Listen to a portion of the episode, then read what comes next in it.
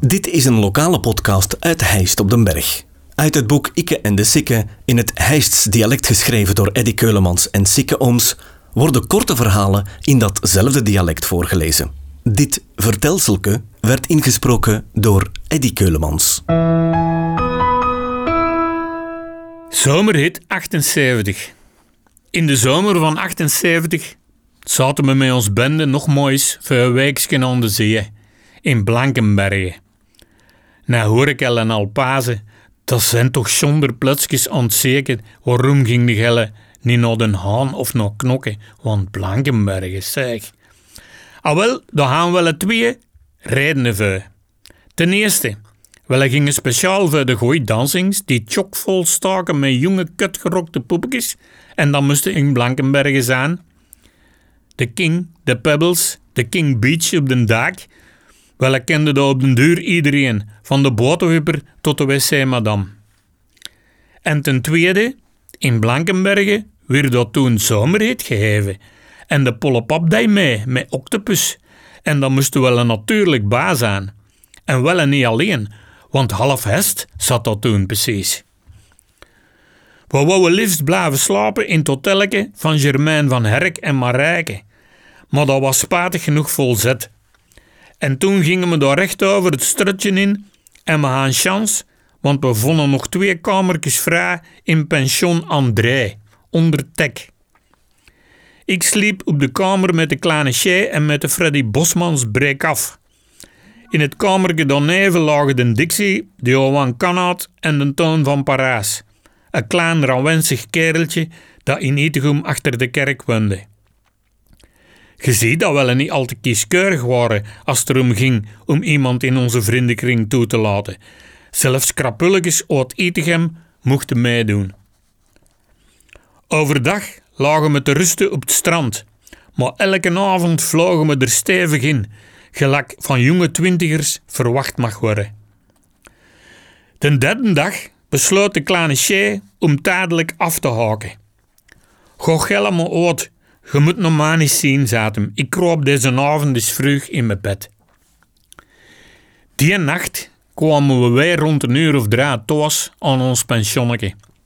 Alle vijf goed gedouwen, want het duurde wel een minuut of vier voordat een Dixie het sleutelgat gevonden had. Beneden in de gang stond een oude piano.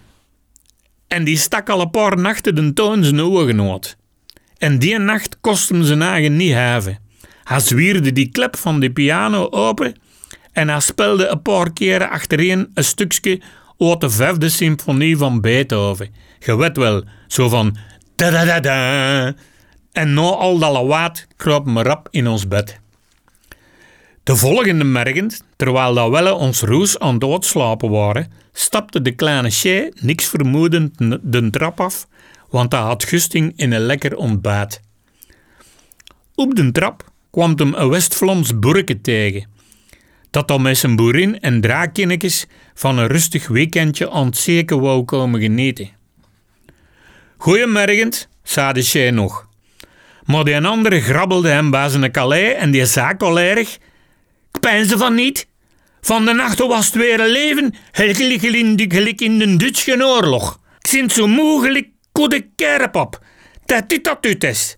De naaste keer ga ik je een slag op je mulen geven. Gelukkig liet hem de shit toen los en hij ging terug naar zijn kamer om nog een bekken te slapen, terwijl las boerin met de kinnetjes naar het strand ging.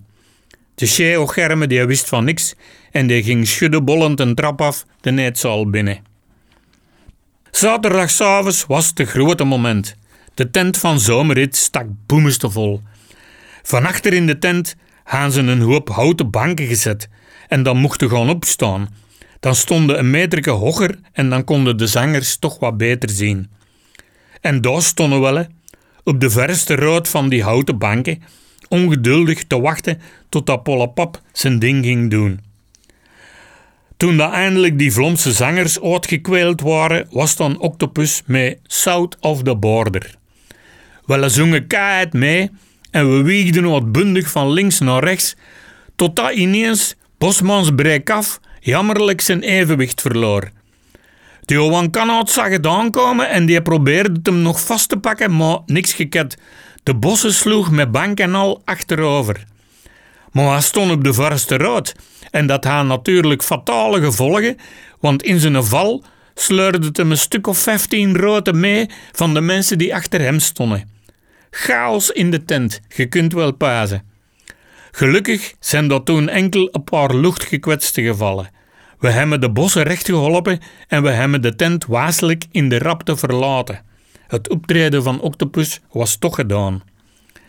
De pollepap zag ons staan boten aan de tent en hij vroeg wat dat wel die nacht nog van plan waren.